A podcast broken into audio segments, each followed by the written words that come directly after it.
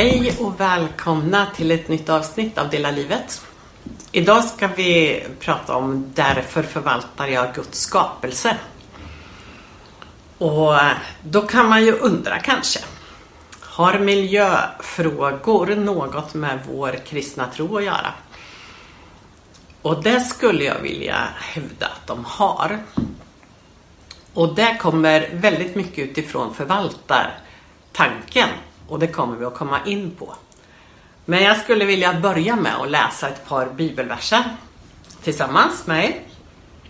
Första är ifrån första Korinthierbrevet kapitel 4. Där står det så här. Som Kristi tjänare och som förvaltare av Guds hemligheter ska man alltså betrakta oss. Av en förvaltare krävs att han visar sig pålitlig. Mig gör det ingenting om ni eller någon mänsklig domstol dömer mig. Ja, jag vill inte ens döma mig själv. Visserligen har jag inget på mitt samvete men det betyder inte att jag är frikänd. Det är Herren som dömer mig. Fäll därför inte någon dom i förtid innan Herren kommer. Han ska lysa upp det som mörkret döljer och avslöja, avslöja hjärtats tankar och avsikter och då ska var och en få sitt beröm av Gud. Och så några verser ifrån första Petrusbrevet kapitel 4 och vers 10 och framåt där. Tjäna varandra var och en med den nådegåva han har fått som goda förvaltare av Guds mångfaldiga nåd. Om någon talar ska han tala i enlighet med Guds ord. Har någon en tjänst ska han tjäna efter den kraft Gud ger så att Gud i allt blir ärad genom Jesus Kristus. Hans är äran och makten i evigheternas evigheter. Amen. Ja, förvaltarskapet. Eh, att vara en förvaltare av evangelium. Eller av Guds nåd stod det här också. Och det där, det där finns i hela Bibeln. Men vi tittar lite på först, vad är det att vara en förvaltare? Jag tänker att en förvaltare är någon som har fått ett ansvarsområde. Eh, den äger inte det här själv, men har fått ett förtroende att sköta om det och vårda det. En förvaltare behöver också göra räkenskap inför ägaren av det här området. Och Paulus var inne på det i det vi läste här att ja, en förvaltare är någon som är pålitlig och som gör sitt bästa för att det här ska fungera och att det ska bli så bra som möjligt. Ibland tänker jag att vi har gjort så att vi har delat upp andligt och mänskligt ganska mycket. Och jag tror att vi har lätt för att tänka att vi är förvaltare av evangeliet. Att det är vi som ska berätta vidare. Jesus har gett oss det uppdraget. Att vi eh, på något vis har en, ett uppdrag att sprida evangeliet, sprida budskapet om eh, Guds kärlek till alla människor. Och var får då det här plats? Att vårda oss om miljön och om skapelsen. Men eh, i Guds plan så finns det en helhet och jag skulle vilja ta en liten liknelse. Om du har blivit förvaltare och satt över en, eh, ett jordbruk, en gård. Eh, där egentligen din största inkomst kommer av, eh, av att du sår eller att, eh, där du skördar så är det ju så att du kan satsa allt på själva sådden och skörden och på att det ska fungera och få in så mycket som möjligt och tänka mycket runt omkring det. Men sköter du inte om resten av gården, maskinerna som du använder, husen där du lagrar säden och djuren som finns på gården, ja allting som hör till gården, så kommer du inte göra ett bra jobb. Kanske att det blir en god vinst första året därför att du har satsat allt liksom, på själva skörden för att få ett bra resultat. Men ganska snart kommer det visa sig att den skörd som du tar in kanske blir förstörd därför att det inte finns bra grejer att sköta om den med, att ta hand om den. Så därför så tänker jag att ett förvaltarskap har ett helhetstänk. Och då ska vi gå till Bibeln igen och titta på första kapitlet i första Mosebok.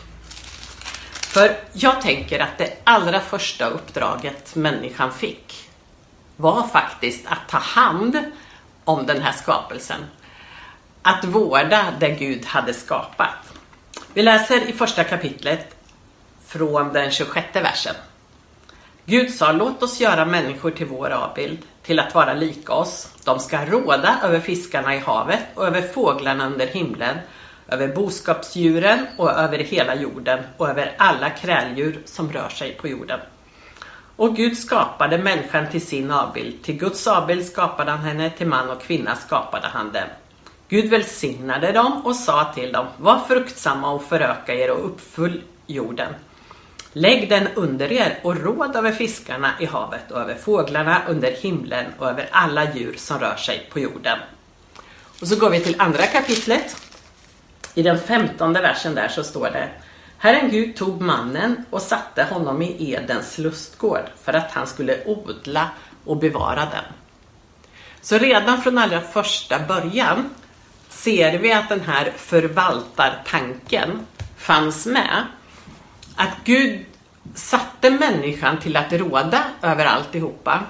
Och då tänker jag att ordet råda är inte detsamma som att härska.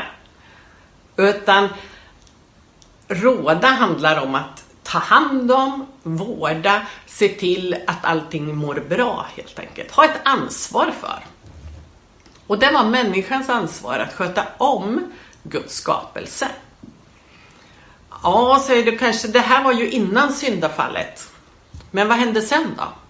Ja, uppdraget fortsatte faktiskt. Vi kan läsa om Noa och arket och när de kommer ut där så, så förnyar Gud eh, det här eh, ja, det här ansvarstagandet till människan och sluter ett förbund med hela sin skapelse.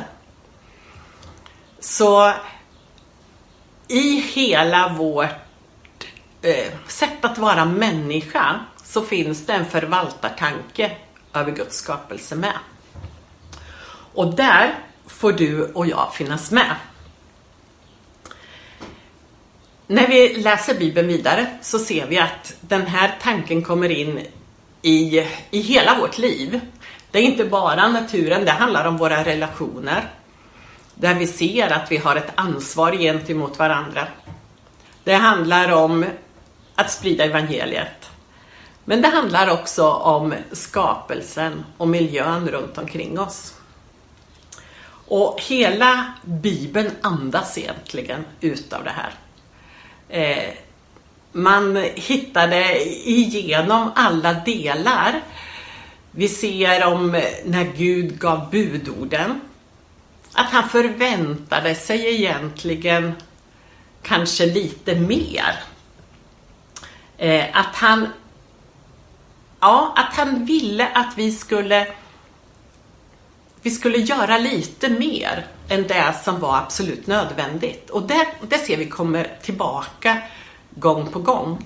Man kan tänka att det är ganska naturligt att man tar hand om sin familj kanske. Eh, jag har ett ansvar att ta hand om min tomt här och, och sköta om det som hör till mitt hus där jag äger.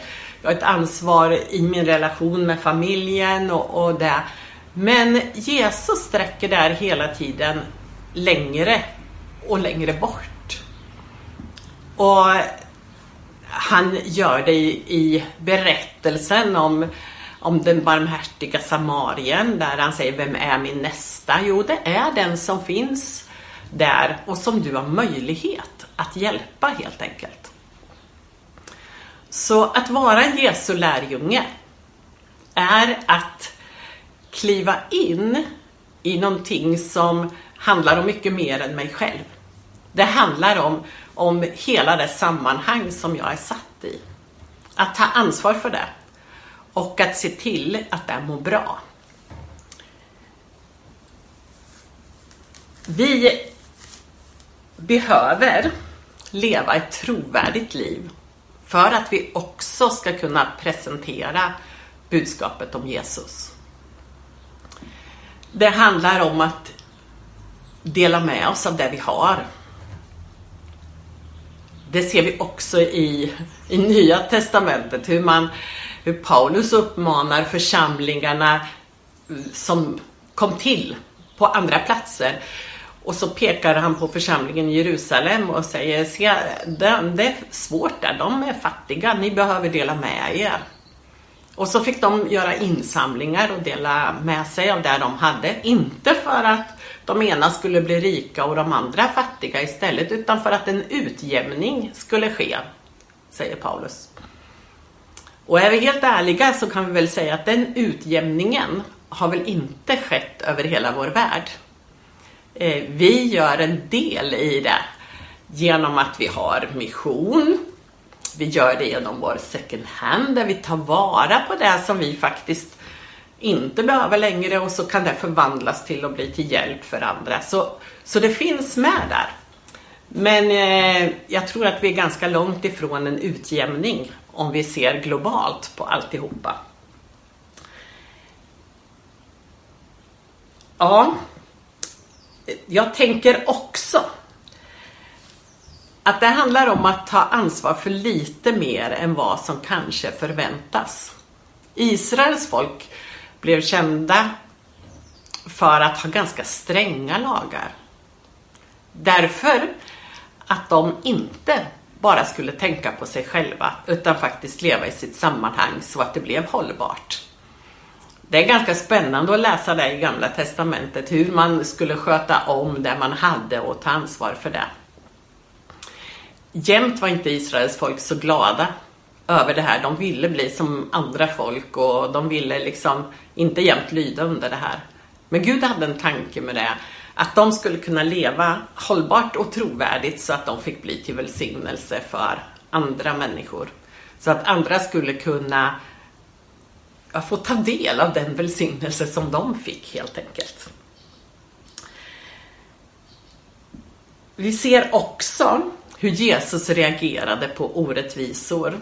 Hur han går emot de som har ansvar och, och ledare i samhället där och, och så. Att när man utnyttjar ansvaret och låter det, alltså man missbrukar sin makt helt enkelt.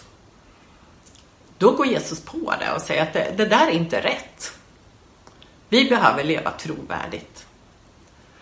Och det behöver vi för både vår egen del. Vi behöver leva trovärdigt i att vi tar hand om också oss själva. Det ska inte bli så att, att den som hjälper aldrig får hjälp. Det ska, det ska bli en utjämning även där, tänker jag. Så när vi tar hand om andra så har vi också ett ansvar att ta hand om vår egen kropp. Det står att vår kropp är ett, ett tempel. Och allt det här ingår.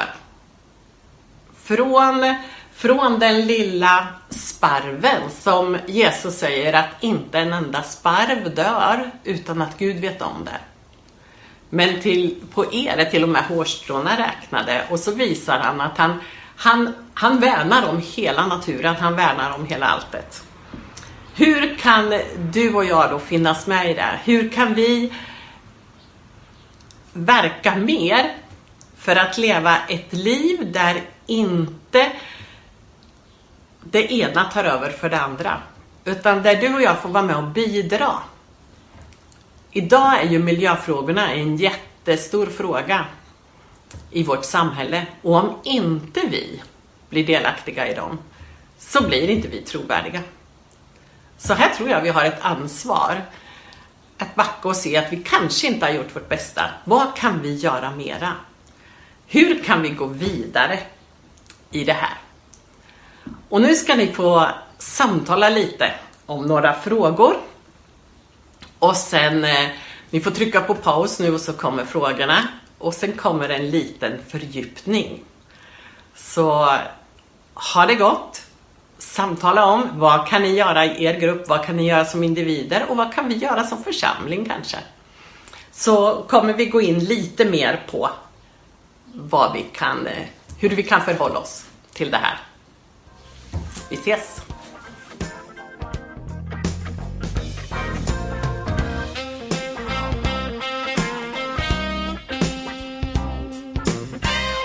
Samtalsfrågor Har du sett dig själv som Guds förvaltare i miljöfrågor? Eller har det inte hängt ihop med din kristna tro? Kan vi hjälpa varandra utan att sätta oss till doms över varandra? Vad skulle jag kunna bidra med mer och fortfarande känna glädje i det? Välkomna tillbaka. Jag hoppas att ni har haft givande samtal. Nu tänkte jag att vi ska ställa oss frågan eh, lite hur hållbart jag lever. Vad kan jag till exempel minska på? Hur kan jag, hur kan jag tänka i de här frågorna? För jag har ju ändå ett hopp. Och jag tror att det är just det hoppet vi ska, vi ska fokusera på nu. Vi har ett hopp därför att vi tror på en Gud som ser som har gett oss någonstans svaret på att när den här världen en gång går under så är det inte slut. Jag har tänkt en fortsättning. Och då kan vi ju lätt bli lite eh, likgiltiga inför vad händer med den här världen? Ja, men det är inte så viktigt.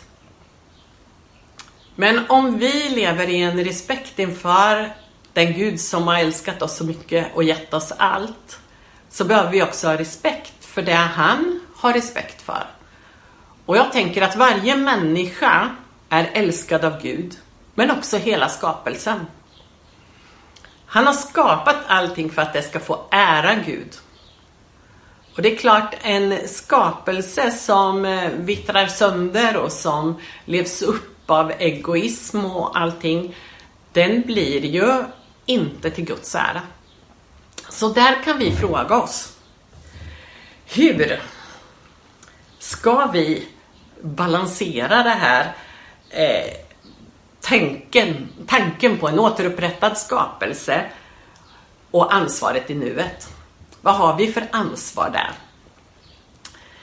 Jag tänker att det är just att förmedla hopp. Och för att vi ska kunna förmedla hopp så måste vi vara trovärdiga också i det samhälle vi lever i. Vi vet att det följer en fortsättning. Och varför det behövs någonting emellan den fortsättningen och nuet är därför att Gud faktiskt vill sätta stopp för syndens förstörelse. Den människan som lider under orättvisor, under krig, under fattigdom, ja allt vad, vad ondskan har fört med sig, vad vår egoism har fört med sig, den behöver ett hopp om att Gud har sett orättvisorna och han tänker återupprätta en värld där det råder rättvisa. Och vi behöver ha respekt för människors fruktan för att den här jorden ska gå under. Vi behöver förstå att om vi inte är bärare av ett hopp om ett evigt liv så är miljökatastrofen slutet. Den är liksom det som tar död på den här jorden. Vi har ett hopp om att Gud som älskar varje individ också har en fortsättning. Och när vi då källsorterar eller när vi tänker vad är det jag kan göra? Så ser människor det. Och ser att vi är delaktiga i att vårda vår natur, att vi tar det uppdraget på allvar. Då tänker jag att vi blir trovärdiga på ett annat sätt. Och här kan man ju se att vi har en stor fördel i att vara en församling. Vi har mission, vi har sett det globala runt omkring. Och kanske att det också är tid att se vad kan vi göra för att människor i fattiga områden inte ska bli utarmade för att jag vill ha mera. Och här tror jag också att vi behöver tänka, vad är mitt ansvar i det här? Jag skulle kunna säga att ja, men jag tycker det här med flyget är väldigt viktigt. Eh, för jag flyger aldrig. Det är väldigt sällan jag har flugit i mitt liv. Och då är det ju inget svårt för mig att avstå från det. Men jag kanske inte kan sätta mig till doms över de som flyger mera än mig. Utan jag får se, vad har jag för ansvar? Var kan jag minska och var kan jag balansera upp mitt liv så att det blir trovärdigt? Spelar det roll när jag går med mina återvinningsgrejer till, till återvinningsstationen här borta? Och vad gör det för skillnad? Det här skulle jag vilja att ni diskuterar vidare om. Och jag ska bara be en kort bön till slut här också. Tack Gud för den värld som du har skapat till oss. Tack för att du har kontroll på allting. Du känner varje människa och varje liten skapelse. Hjälp oss att ha respekt för det du har gjort. För att vi bara ska få ha det så väldigt bra. Hjälp oss att se varandra. Hjälp oss att se hur vi kan göra skillnad. Tack för att du är med oss. Amen. Kommer några ytterligare samtalsfrågor. Ha det riktigt gott och tack för idag.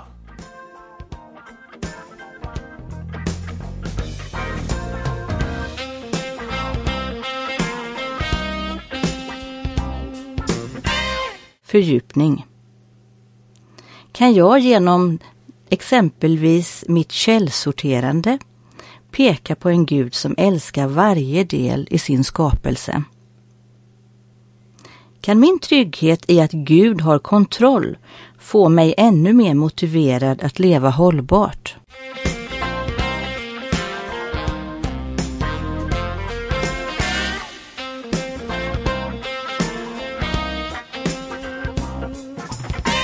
Vill du vara med i en hemgrupp?